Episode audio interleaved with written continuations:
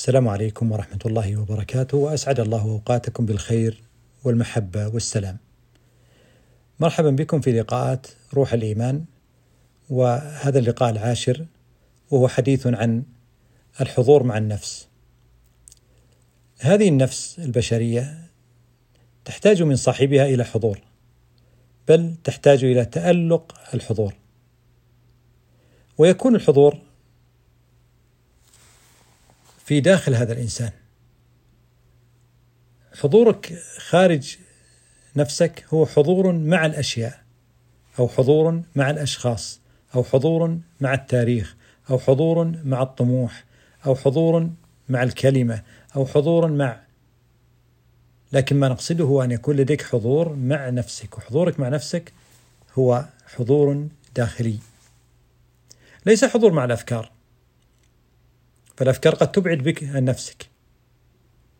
وليس حضور مع الذاكرة فالذاكرة قد تغرقك في السنين وقد تريدك إلى الألم. إنه باختصار وقداسة وجمال. حضور حضور النفس هو حضور مع النفس. حضور مع النفس ليس أيضا هو مجرد تمارين تعملها. تمارين التنفس مهمة جدا مهمة جدا لمساعدتك على الحضور. كمراقبة الشهيق والزفير. ولكن ما الغاية؟ عندما أعمل تأملات وتأملات تنفسية أطرح السؤال ما الغاية منها؟ الغاية منها أن أصل إلى حالة الحضور مع النفس. إذا تمارين ومراقبة التنفس في الشهيق والزهير والزفير وأيا كانت التأملات فلها هدف. إذا غاب الهدف فإنها تصبح ممارسات لا تعطيك النتيجة القصوى أو الهدف الأعلى. فإذا الهدف كل ما تفعله سواء مراقبة التنفس أو حتى ترديد الكلمات وترتيلها أو هو لأجل الحضور مع النفس. الحضور مع النفس هو حضور داخلي. عندما تعي تكون واعي إنك تتنفس. نفرق. عندما تمارس تأملات التنفس فإنك تعيد نظام طبيعي لك. طيب أعدت النظام الطبيعي ماذا أفعل؟ أكون مع النظام الطبيعي اللي هو أكون مع النفس. تشرب قهوتك وأنت واعي إنك تتنفس.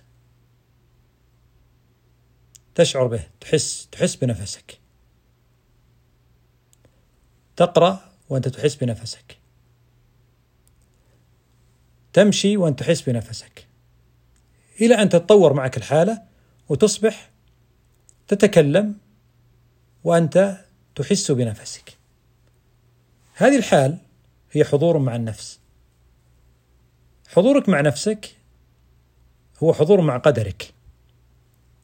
حضور مع حظك. حضور مع بشائر قلبك. هو أن يقوم دماغك بمساندتك ومساعدتك والوقوف معك. هي لا تحتاج إلى شرح كثير تحتاج إلى ممارسة. فلنقل الخطوة الأولى أنك تأخذ تجربتك في إعادة ترتيب أنفاسك عن طريق تختار نموذج من التدريبات في التنفس. بعد ذلك تعرف أن هذه التمرينات والتدريبات ليست هي الغاية. وإنما هي وسيلة. وإنما الهدف والغاية القصوى هو أن تكون مع نفسك. ومعنى أن تكون مع نفسك هو أن تكون مع نفسك. واعيا حاضرا بنفسك. لو جربت واصبحت تتحدث أو تشرب قهوتك أو الماء وأنت واع بنفسك. منتبه فقط. موجه كل انتباهك أنك أنه اللحظة تتنفس.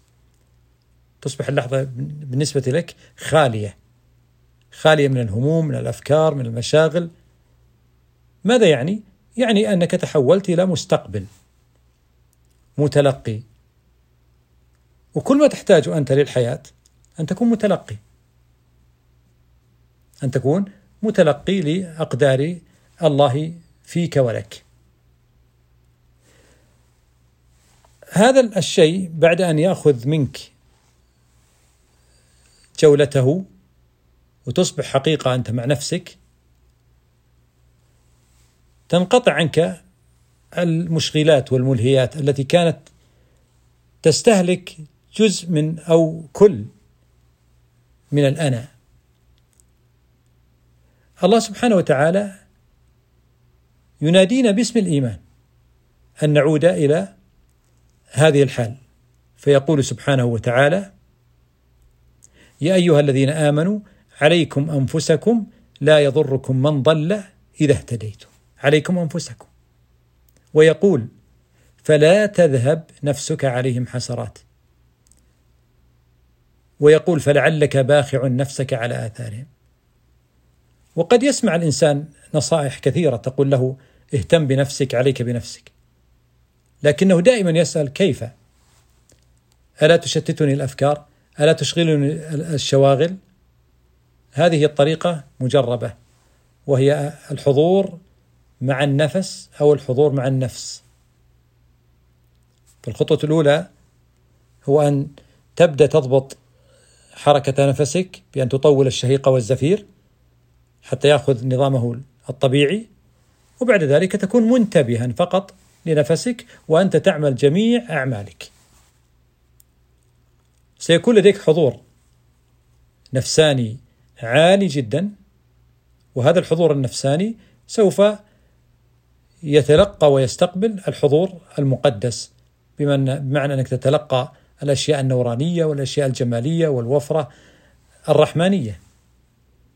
هي ليست إلا تجربتك الشخصية والتي تتطور تلقائيا.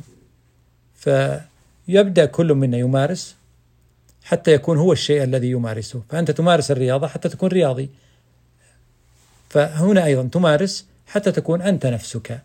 وعندما تكون أنت نفسك فأنت في حظ عظيم، أسأل الله سبحانه وتعالى أن يباركنا جميعا وأن يحفظنا جميعا وأن يجعلنا في خيره ونوره وبركته ولطفه وبره وإحسانه والسلام عليكم ورحمة الله وبركاته.